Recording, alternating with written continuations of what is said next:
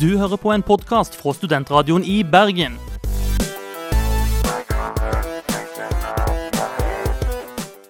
Denne og mange andre flotte podkaster finner du på podkast.srib.no.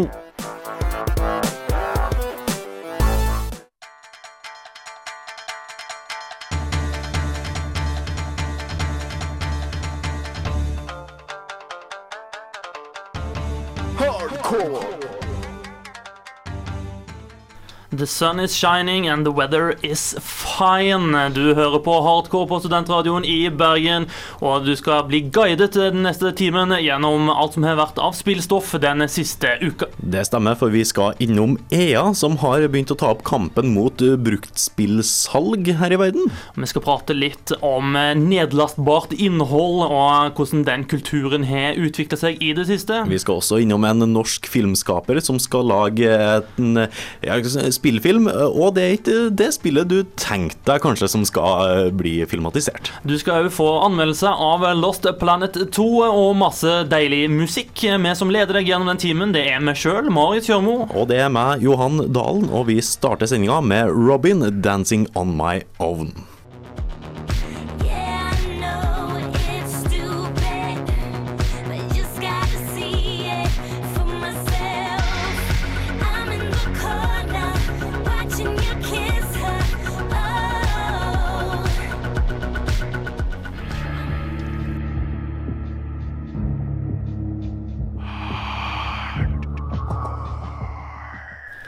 I Hardcore er jo den mest eh, gavmilde gjengen du kan finne, og for to uker siden så starta vi en Flåklypa-konkurranse, der du kunne vinne Flåklypa Grand Prix til Nintendo DS. Og vi hadde vel ikke helt forventa oss den responsen vi faktisk fikk, Marius. Nei, det var faktisk eh, med stor margin eh, den mest populære konkurransen vi noen gang har hatt her i Hardcore.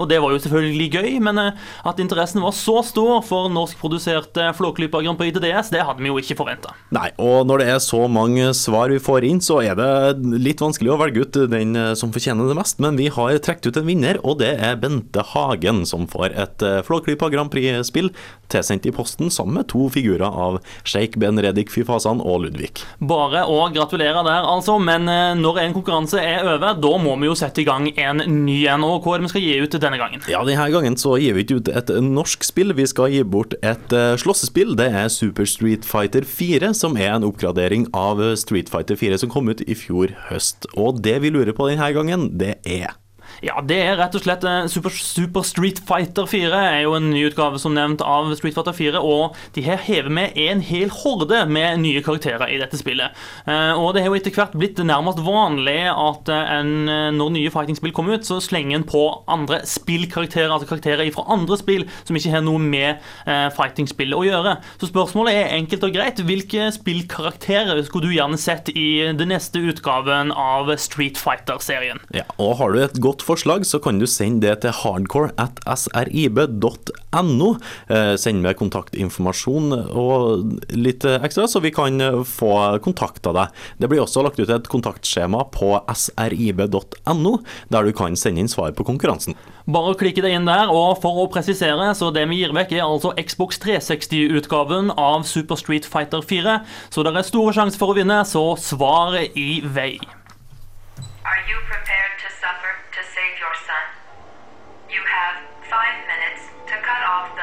section of one of your fingers in front of the camera. If you succeed, you will get your reward. Nei, ikke gjør det. Hør heller på hardcore. Vi kutter av oss fingeren, gir deg hele historien, og så kan du fortsette å spille.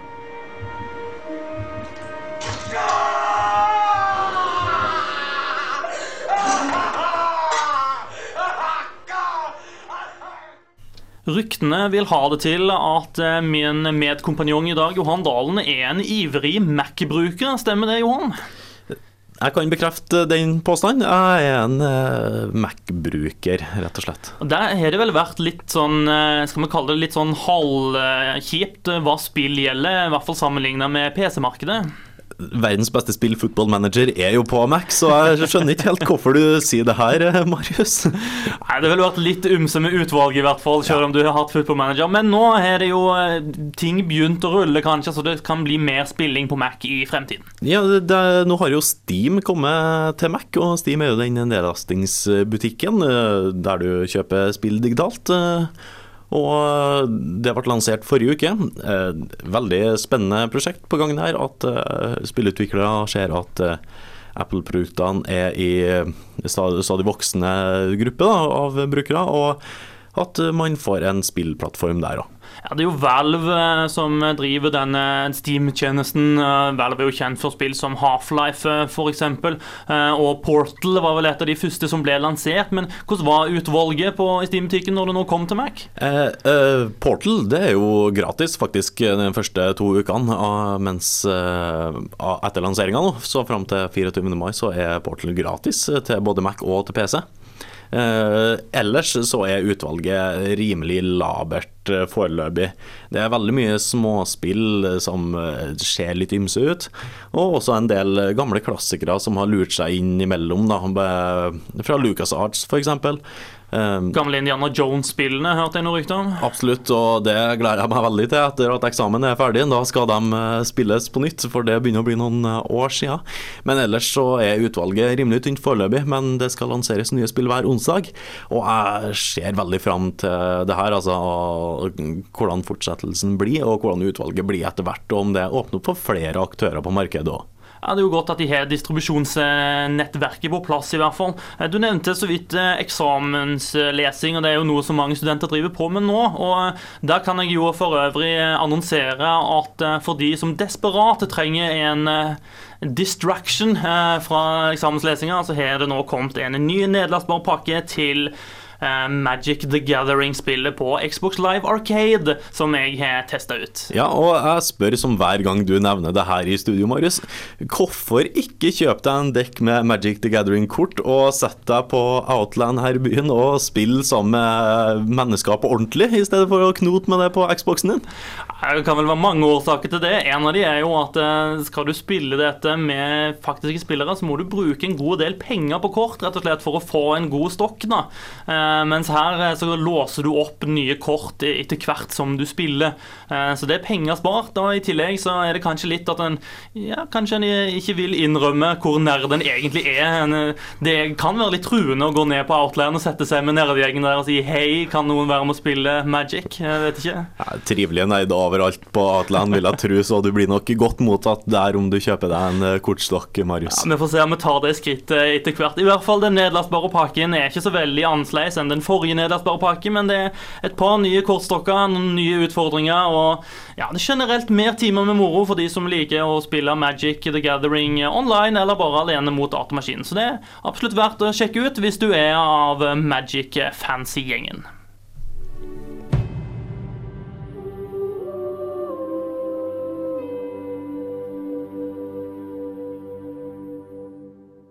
Du hører fortsatt på Hardcore, og vi skal ta en tur eh, inn i eh, det internasjonale spillmarkedet igjen. For en diskusjon som har gått veldig lenge i spillbransjen, er dette med videresalg av spill, altså bruktsalget av spill. eh, Der spillutviklerne, spillutgiverne, står litt med, med lua i hånda og sier hvorfor får ikke vi noen penger ut av dette salget her? Hvorfor skal bare det falle til GameStop eller de som driver dette videresalget? Ja, det er jo en, en bransje som er i ganske stor vekst, eh, det bruktspillmarkedet. Og nå har EA, eh, spillgiganten, gått inn med et, eh, en føring som de skal føre videre nå da. Fra og med Tiger Woods eh, 11, som kommer nå i sommer, så skal de ha en eh, online-kode som må tastes inn for hver gang du skal spille online med spillet. Og hvis den, den koden er brukt én gang, så kan aldri brukes igjen på en ny maskin. Og hvis du da kjøper spillet brukt, så må du kjøpe en ny kode til 10 dollar. Ja, 10 dollar var satt prisen. er jo litt uvisst hvor dette blir eh, tilsvarende i Norge. Det er jo aldri godt å vite, men eh, i hvert fall så skal det da bli rett og slett umulig å bruke et brukt spill online, med mindre du da kjøper denne koden og dermed gir eh, ja, donerer en liten pen slant med penger til Electronic Arts. Og så kan en jo spørre seg, da, er dette her rettferdig? Er det mm, Altså, på- den ene sida så har du jo argumentet om at de har driften av servere som det koster for online-bruk osv. Og, og på den andre sida har en jo argument om at ja, men har ikke den driften allerede blitt dekka første gang den disken ble, ble solgt? Altså, hva vil du si, Hvorfor skal Electronic Arts egentlig ha en bit av kaka av bruktsalget på spill? Nei, jeg ser for meg det at de, de kalkulerer et tap av inntekter på at folk kjøper bruktspill. At de ikke selger like mange kopier som de ville ha gjort hvis det ikke var et bruktspillmarked. Og at de skal kompensere for det tapet med den avgifta som du må betale for en ny kode hvis du skal spille online med det. At at summen av det tapet blir så stort at de ser seg nødt til å gjøre noe sånt, det kan ikke jeg helt få til å gå opp. For EA er jo en av en av de største aktørene på markedet som tjener enorme summer på spillene sine. De har store lisenser til alle utgivelsene sine, sportsspillene spesielt. Og jeg, jeg får det ikke helt til å gå opp da, at det er EA som skal gå ut og gjøre det her først. Ja, og du ser jo EA er jo de som, eh, de som eier BioWare. eh, Og for alle de som kjøpte Mass Effect 2 eh, tidligere i år, så så jo de at òg der så fulgte det med en lignende kode. Nå er jo riktignok ikke Mass Effect 2 et online-spill på noe som helst vis, men òg der fulgte det med en kode som du må ha rett og slett for å få tilgang på en del ekstra stæsj, eh, og den, au- den får du da ikke med hvis du kjøper spillet brukt. Så det er åpenbart at dette er noe som jeg har tenkt på lenge. Men så ja, det er, jeg syns det er veldig spennende å følge den utviklinga, for det er rett og slett eh, eh, Ja, eh, nå kjenner jeg varmeslaget begynner å ta meg. Jeg er ikke vant til den varmen her i mai. Men eh, hva, føler du er, er årsaken til dette her? da? Hvorfor, hva, hva føler gameren om det? Syns vi dette her er greit? Altså, jeg, det, det, det er jo den greia med å kjøpe bruktspill, at det her skal være litt billigere måte å resirkulere spill på. At ja, du er ikke fornøyd med spillet du har kjøpt, du selger det, og så kjøper noen det videre. Uh, for en lavere penge. Det, det vil jo så bli til sammen omtrent summen av et nytt spill. Hvis du legger på den avgifta på toppen, igjen, for jeg ser for meg i Norge, så blir det rundt 100 kroner når eh, alt er lagt til. Og at da kommer det opp i 600 kroner for et bruktspill òg. Det må jo være en måte for å prøve å ta, ta livet av bruktmarkedet, rett og slett. Og da forsvinner livsgrunnlaget for veldig mange spillbutikker. Ja, Sannsynligvis så vil du jo få mindre for spillet når du prøver å selge det tilbake til en, en eh, butikk som driver med bruktsalg, og du vil sannsynligvis måtte betale mer for det når du, når du kjøper det eh, i butikken. Og jeg så I USA i hvert fall, så så jeg GameStop annonserte at de kom til å selge slike eh, poengkort da, på, på siden, eh, rett ved siden av brukt, eh, bruktspillene sine. Så det, det er spennende å se hvordan dette utvikler seg, men jeg har likevel litt inntrykk av at det er ikke, det er ikke opprør i, i spillverden. Altså, gamere, spesielt den, eh, når det gjaldt Mass Effect, som var veldig mottagelsen på det at ja, dette er vel helt greit, egentlig. Det var veldig lite eh, stå på barrikadene, og nå må, må, må de slutte med dette, disse griske spillutgiverne. Ja, men jeg, jeg ser, hvis man da kunne ha begrensa det til f.eks. bruke den koden på tre maskiner og verifisere det på nettet, så, så hadde jo det kunnet at den koden har fulgt med én gang, at du kan selge det videre én gang eller noe sånt. Det, det er veldig vanskelig å, å finne en god løsning på det der, men jeg, jeg ser ikke for meg å, at løsninga er å ta livet av markedet på den måten som EA prøver på nå. Det, det siste som jeg vil nevne i den, eh, i den diskusjonen, da, er jo eh, for de som har Xbox 360, og som betaler for en såkalt gullkonto til Microsoft, da har en jo egentlig allerede betalt for muligheten for online-spill. Så eh, kjøper du da et bruktspill, så må du da betale eh, ekstra sum i tillegg for noe som du i prinsippet allerede har betalt Microsoft for å få tilgang til. Og da føler en jo at en egentlig betaler litt i, i pose og sekk. og det føles jo heller ikke rettferdig. Uansett, eh, alt var bedre før, eh, så vi tar og kikker litt på en klassiker i stedet, tror jeg.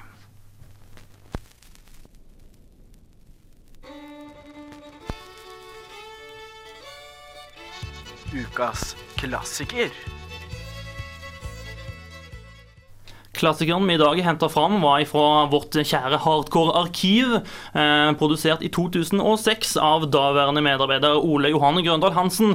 Og det er inget ringere enn eh, det norskproduserte adventure-spillet Den lengste reisen. Point and click-spill. Visstnok en utdøende sjanger. Mange mener at det er en arkaisk måte å spille spill på, og at det ikke lenger holder mål i dagens spillhverdag. Men de tar feil. Selv om det ikke lages så mange av dem lenger, er dette fortsatt en glimrende måte å spille på.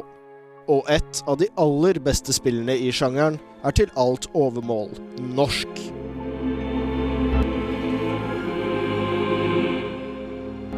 Nå har du kanskje gjettet at jeg snakker om Den lengste reisen. Et epos av et eventyrspill fra Funcom. Satt drøye 200 år inn i fremtiden styrer du April Ryan, en ung kunststudent. Hennes verden blir snudd på hodet når hun finner ut at hun er en skifter. Det vil si at hun kan bevege seg mellom to verdener.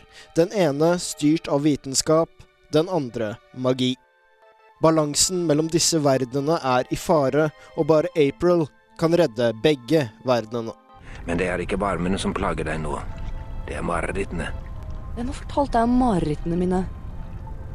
Ingen. Jeg kan se det i øynene dine. Jeg ser spøkelsene som plager deg. Med dette premisset satt, så må du lede April gjennom et episk eventyr, noe du gjør på en veldig standard point and click-måte. Pek dit du vil at April skal gå, og klikk for å få henne til å bevege seg dit. Hovedsakelig går spillet ut på å finne ting, snakke med folk og bruke dette til å løse gåter og oppgaver. Tenk en seriøs utgave av Monkey Island, blandet med delvis Blade Runner-spillet i den ene verdenen og Myst i den andre, og du er absolutt inne på noe. Den mystiske døra. Ingen vet hvor den går. Men den lengste reisen er så mye mer enn det. For det første er historien eksepsjonelt godt skrevet, med gode karakterer og en spenningsutvikling som suger deg inn i spillets verden. Og til å være et sju år gammelt spill, så ser det oppsiktsvekkende bra ut. Ok, så karaktermodellene og animasjonene er kanskje ikke helt i toppsjiktet lenger, men de prerendra bakgrunnene og ikke minst lyssettingen setter en veldig fin stemning, og etter hvert så blir man så vant til hvordan spillet ser ut, at man ikke lenger bryr seg om de uregelmessighetene som spillets grafikk inneholder. Ingenting er som en diger, rusten jernbru midt i parken. Men det mest spesielle med Den lengste reisen er at det faktisk er på norsk. Alle tekstene, personene og ikke minst de ca. 8300 lydklippene er på vårt eget morsmål. Noe som i begynnelsen kanskje kan virke litt uvant, men etter hvert faller det seg helt naturlig. Og stemmene er levert av kremen av norske skuespillere. Greit så Synnøve Svabø, som spiller April, er kanskje ikke det største som Norge har produsert, men stemmer fra folk som Finn Skau, Per Christian Ellefsen og Lasse Kolstad gir spillet den nødvendige tyngden på dialogsiden. Har du tenkt på at dere kan ha blitt dopa med? Eller utsatt for et eller annet holografisk eksperiment? Foretrekker du det framfor de andre mulighetene? Ja, At vi er i ferd med å tørne, da? Eller at det faktisk foregår et eller annet? Et eller annet stort som vi ikke kan fatte? Syns du det er bedre? Den lengste reisen er faktisk et veldig behagelig spill å spille. Gåtene er som regel ikke så veldig obskure, og man står sjelden lenge fast på ett sted. Man kan spille det i sitt helt egne tempo, og man kan lagre akkurat når man vil. Og med en spilletid på godt over 50 timer spiser det livet ditt like godt som hvilket som helst rollespill. Den lengste reisen er rett og slett et av de beste eventyrene noensinne. Og senorita, cuidado. Vær forsiktig. Det var Ole Johan Grøndal Hansen som har sett på klassikeren Den lengste reisen, som kom ut i 1999.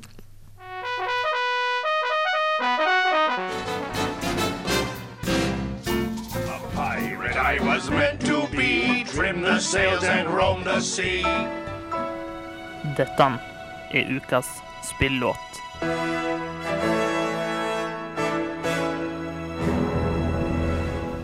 Ukas spillåt i hardcore denne uken, eh, det står det sørafrikanske rockebandet Seether for. Eh, Det låta heter Fake It. og Den, eh, det var gjennombruddshiten deres, faktisk, og den finner du bl.a. i spillet Burnout Paradise. Den er ganske kul, så kos deg med den.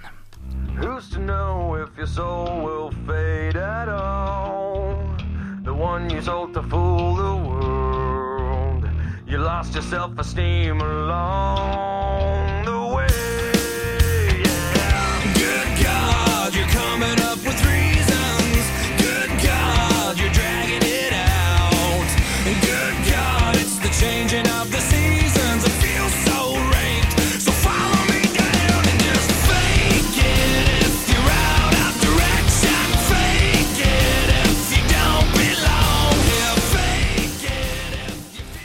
Fake It der, altså. Det var oppfordringen fra Seether.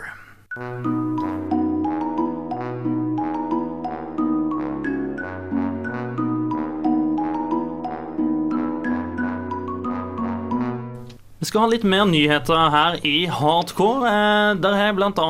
blitt snakk om eh, oppfølgeren til Little Big Planet. Det har det vært snakk om ganske lenge, men nå har det endelig kommet litt detaljer om hva som skal skje i Little Big Planet 2. Ja, vi fikk ei pressemelding i forrige uke fra Sony som sendte ut gladsaken om at nå kommer oppfølgeren. Eh, Den kommer eh, i høst, eh, november, var det? Eh, Og nå er det en del nye muligheter som eh, skal inn i spillet. Det var jo eh, muligheten til å lage egne brett sist gang som var det store. Det ble laga over to millioner brett av brukere verden over.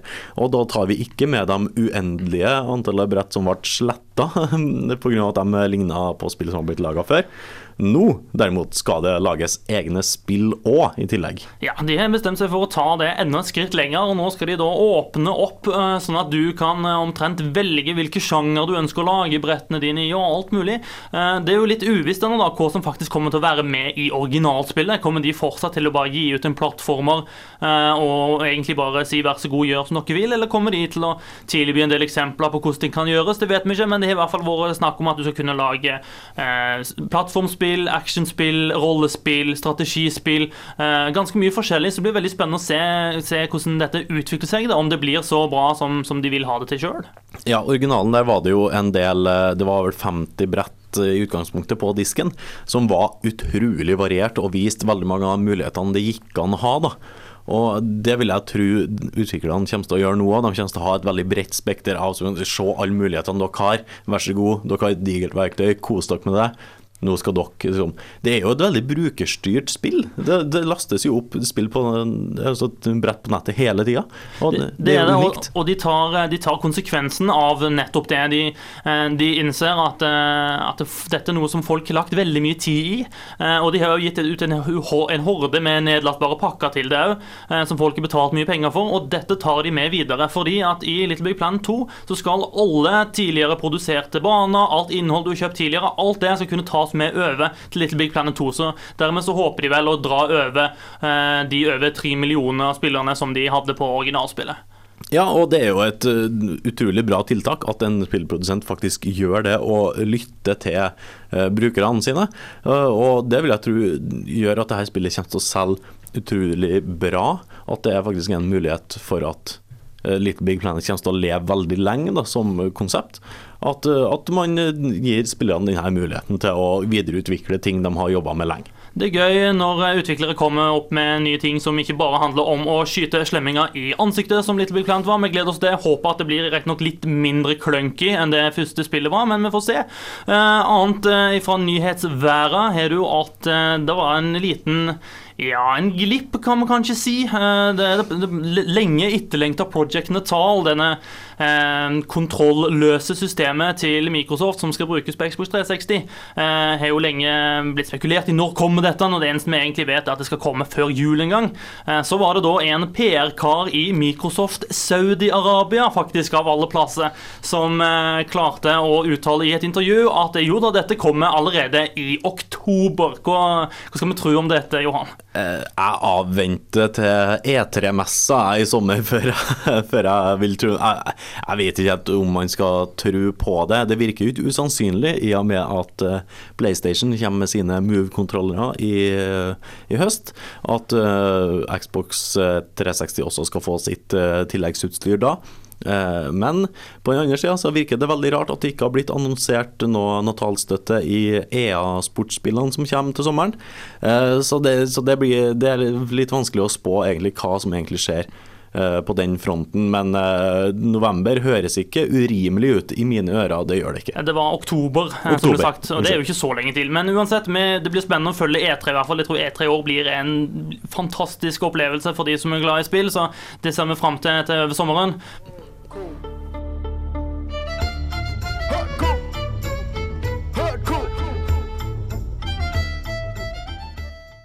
Jeg nevnte innledningsvis at vi skulle prate litt om DLC-er. Det er altså downloadable content.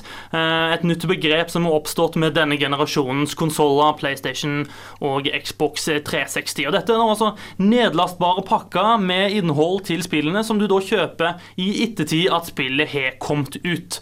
Eh, Dette er blitt veldig vanlig. Eh, Spillutviklerne tjener mer og mer penger på dette. Og faktisk er det en del spill som, en del spillutviklere som innrømmer at spillene deres mer eller mindre er en plattform for å selge nedlastbart innhold. Og dette er jo skal vi si, gode og dårlige måter å gjøre på. Ja, det er jo de spillprodusentene som utnytter det på en helt grusom måte og lager tilleggspakker som som er nødvendig da, for å vite hva som skjer i det opprinnelige spillet som du har kjøpt. At du, at du nesten blir sånn at du må kjøpe slutten av et spill. Og, mens de, noen andre da, lager kjempegode tilleggspakker som gir en mening som er helt på sida av hovedhistorien, kanskje. Kanskje tilfører noe nytt, men ikke er viktig for å drive historien fram. Og det blir feil, da, ifølge meg, at, at du kjøper et spill til 500-600 kroner, så får du ikke vite slutten. Det må du faktisk laste ned en pakke for å få vite. Ja, Det er rett og slett latterlig. Eh, Når du kjøper et spill, så skal det spillet være et ferdig produkt. Eh, Når du da etterpå velger å bruke penger på såkalt nedlastbart innhold, så skal det være ekstrainnhold. Det kan være ting som øker, øker erfaringen, øker opplevelsen med spillet, men det skal ikke være en del av spillet, for det har du allerede betalt for. Eh, Og Det er jo blitt ganske vanlig etter hvert at nedlastbare pakker er klare allerede fra dag én når spillet slippes, Eh, noe som jo òg er litt, eh, litt rart, kanskje. I gamle dager så tenker en at ja, da ville dette ha vært inkludert i spillet, men pga. at en nå har den muligheten, så må dette betales ekstra for. Så i utgangspunktet så ender du opp med gjerne å betale to ganger så mye for en spillopplevelse enn det du ville tidligere. Det er jo kjipt for oss forbrukere. Ja, f.eks. med det storspillet spillet til PlayStation i vinter, Heavy Rain. Der var det jo to klare tilleggspakker på lanseringsdagen til spillet. Det, det, virker så rart at en så storsatsing òg bare utnytter et eh, ja, si, et marked som, som, er, som er veldig i vekst, og folk laster ned litt ukritisk da, kan man si, og betaler for ting. At, at, hvorfor er, ligger ikke det på disken fra før? Vær så snill, forklar meg det. Ja, Fallout gjør det bra, GTA gjør det bra, ganske mange spill gjør det dårlig. Dette er nok noe vi kommer til å prate ganske mye mer om her i Hardcore, men eh, før vi setter helt streken for nyheter, så var det et, eh, et, eh, litt crazy rykte som kom opp, og det må vi nesten ta, for det at det òg inkluderer en eh, større norsk personlighet.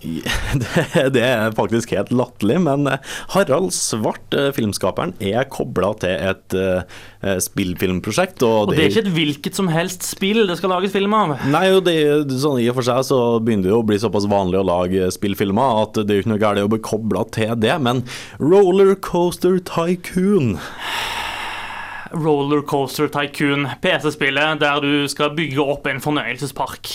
Det skal de lage film av, really. Og i tillegg så skal det visst være en eh, actionfilm. Å, herre min gud, sier jeg bare. Altså, Hvor blir det av Bioshock-filmen, Assassin's Creed-filmen? Altså, Det er så mange spill som kunne ha egnet seg, men nei, de faller altså på Rollercoaster Tycoon. Jeg håper inderlig at dette her er et tøyserykte, et blaff, for dette virker så meningsløst at øh.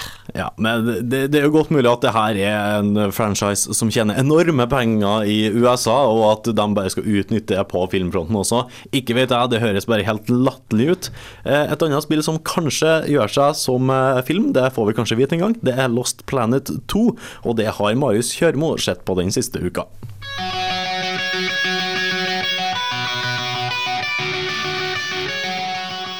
Du er på en fremmed planet. Ditt oppdrag er å overraske en piratleir og stjele ressursene deres. Du sniker deg inn på de og planter et velplassert skudd midt mellom øynene på piraten som holder utkikk. Men idet vakten treffer bakken, har alle andre pirater i mils omkrets oppdaga deg og stormer mot deg. Et enormt automatisk forsvarssystem fyrer av gigantiske raketter mot deg og lagkameratene dine. Så, midt oppi kaoset, dukker verdens største monster opp av bakken og gomler i seg halvparten av piratene. Så kommer det Hellgas fra Killzone-spillerne. Du snur deg, og to av lagkameratene dine har blitt til Dominic og Marcus fra Gears of War. Mens bombene smeller, står Albert Wesker fra Resident Evil og hopper som ei forskremt japansk skolejente, mens Frank West fra Dead Rising prøver å sjekke opp Marcus. Du tar ei kule av hjelmen, men til din forskrekkelse ser du at hodet ditt er blitt bytta ut med hodet til en legofigur, og ryggsekken din er blitt transformert til en svær teddybjørn. Hva i alle dager er det som foregår her?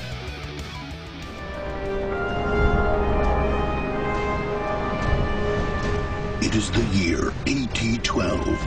Half a century since colonization efforts first began on the planet ATN-3. The colonists soon found they had to battle the native Acrid for control of the planet's thermal energy. These colonists came to be known as Snow Pirates.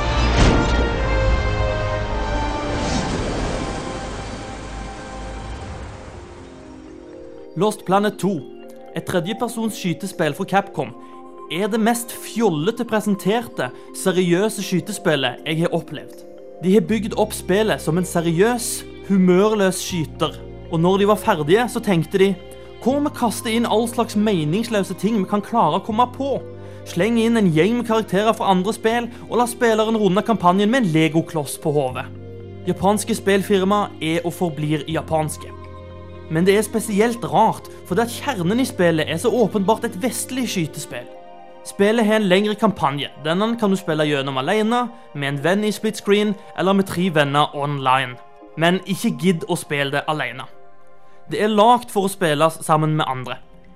Og de bottene du får med deg dersom du spiller alene, de er like brukende på et militært oppdrag som en gjeng med tilbakestående pensjonister med beinskjørhet og kols. På et tidspunkt skal teamet ditt operere en enorm kanon som innebærer å ha folk på mange forskjellige poster, som alle må gjøre sin bit. Spiller du alene, så må du springe fram og tilbake mellom alle postene sjøl, og det er rett og slett umulig å komme seg videre. Ubrukelig. Og det er mange eksempler på denne typen designfeil.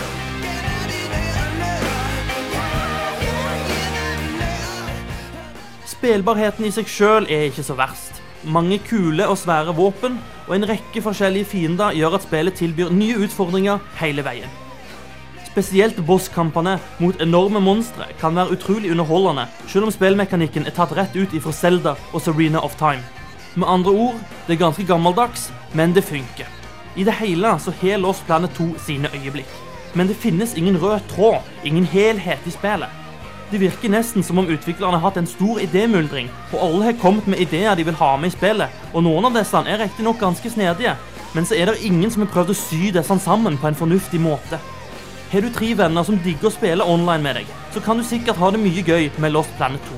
Men skal jeg være helt ærlig, så syns jeg fortsatt du kan spille Gears of War 2 i stedet, og heller vente på trien. For jeg ble rett og slett skikkelig skuffa av Lost Planet 2.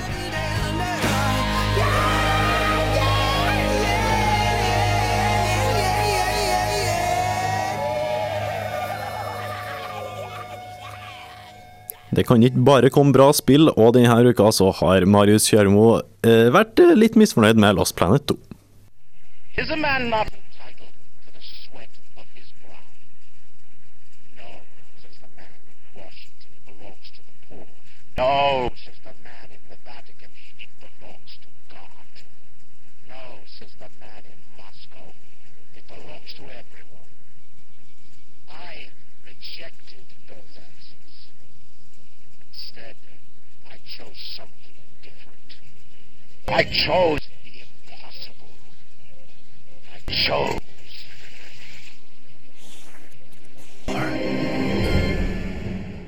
Som nevnt, det er nydelig vær i Bergen. Det er norsk fotballsesong triller videre som aldri før. Giro d'Italia er i gang, og det er jo snart fotball-VM. Det er rett og slett tid for sport i været. Og det betyr jo òg at det er mye sportsspill som er i vente like over sommeren, Johan. Det er det, og før sommeren så kommer det faktisk eh, et spill vi er ganske, eh, ganske interessert i og spent på, og det er Pure Football. Det er da et nytt fotballspill som skal ta opp kampen mot Fifa og Pro Evolution Soccer. Og hva er settinga her? Den syns jeg er ganske interessant. Jo, dette er et spill som snek seg litt opp på oss. da Det ble først annonsert for et par måneder siden, og ingen egentlig vet hva det er. Eh, Det ble sluppet en trailer av det, en annonseringstrailer. Der ser du da en gjeng med spillere, bl.a. Steven Gerrard, som spiller på en, en fotballkamp på en stor stadion. eh, Og så eh, driver dommeren og blander seg inn da og gir noen utvisninger og noe greier. Spillerne blir forbanna, liker ikke dette. Så Steven Gerrard tar med seg ballen og gutta ut av stadion, ut på Løkka, der de kan spille med sine egne regler og drite i alt det andre styret. Det skal være pure football, som Ubisoft kaller det. Løkkefotball uten regler, uten rødt kort, uten gule kort og ingen dommerinnblandinger, og heller ikke noe offside. side.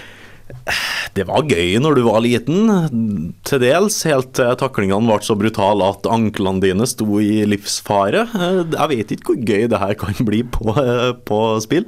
Nei, altså det er vel litt sånn Hva skal du si? Altså, at dette skal utfordre Fifa og Pro Evolution Soccer virker rart, syns jeg, at de skal klare. Jeg tenker det blir kanskje mer som et alternativ til Fifa Street eller lignende. For, men, men som sagt, vi vet veldig lite om dette spillet, for det er sagt så lite om det. Men at det blir et eh, litt sånn lettbeint spill med moro ut på løkka, kanskje det blir five-a-side-spilling.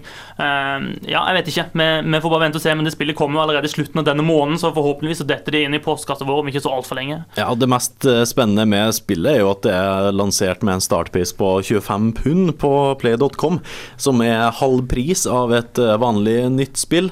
Det er jo også veldig spennende at de velger å gå den veien, eh, og det forsterker vel kanskje inntrykket om at det her ikke bli en stortittel. Ja, eh, Noe som eh, har vært en stortittel ganske lenge, er jo Pro Evolution Soccer. og De har jo fått eh, juling av Fifa i det siste, ikke bare i salgstall, men også fra kritikere. og De, de skal virkelig ta dette til seg og eh, forandre på sin egen suksessoppskrift. Det har man vel eh, hørt før, at når det kommer en ny konkurrent opp på sida og slår deg, så skal du ta alt fra scratch, og nå skal det bli bra, men de kommer jo med et nytt et i høst, bare et år etter siste spillet uansett, så jeg sier nja, foreløpig. Ja, og det de har vel sagt, at egentlig ja, vi skal jo forandre dette så vi skal bli bedre enn Fifa, men det de egentlig har sagt, er at vi skal gjøre dette og dette og dette, og det er det samme som det Fifa gjør. Så de skal bli mer lik Fifa. Eh, Det kan jo selvfølgelig bety at det blir bra, for Fifa 10 var et kjempefint spill. Fifa World Cup var et kjempebra spill, selv om det jo bare var Fifa 10 med landslagsdrakt på. Men i hvert fall, det er masse kjekke sportsspill i vente, så de som er glad i sport og spill, de kan glede seg hele sommeren igjennom.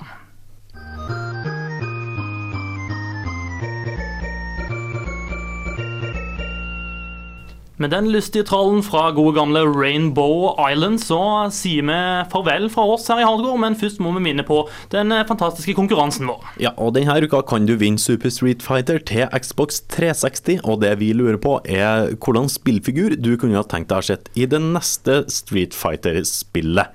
Svaret sender du til hardcore at srib.no, der du legger ved ditt eh, svar i konkurransen og litt kontaktinformasjon så vi kan få tak i deg, og det blir også lagt ut et kontaktskjema på hjemmesida vår www.srib.no.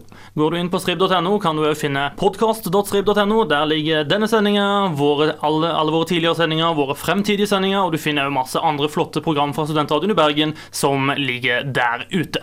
Vi som har lagd denne sendinga, det er meg sjøl bak spakene, Marius Jørmo. Det har vært meg, Johan Dahl. Vi har hatt en reprise fra vår gamle medarbeider Ole Johan Grøndal Hansen. Og vi har hatt hjelp fra produsent Øyvind Lysebo Eklund. Det var alt for i dag. Vi håper du har hatt ei brillefin sending. Det har i hvert fall vi hatt. Så forhåpentligvis, hvis alle ting står riktig, så får vi noen fete anmeldelser i neste uke. Alan Wake ligger og lurer, og hvis ikke Red Dead Redemption er askefast, så får vi kanskje tak i det òg. Det skal uansett bli veldig fint òg hardcore neste tirsdag samme tid. Ha en kjempeflott uke denne neste uka. Hardcore fikk du i samarbeid med GameStop og gamerskate.com. Hardcore!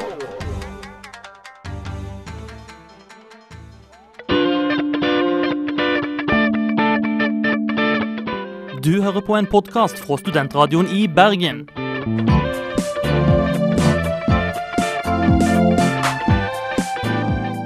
Denne og mange andre flotte podkaster finner du på podkast.srib.no.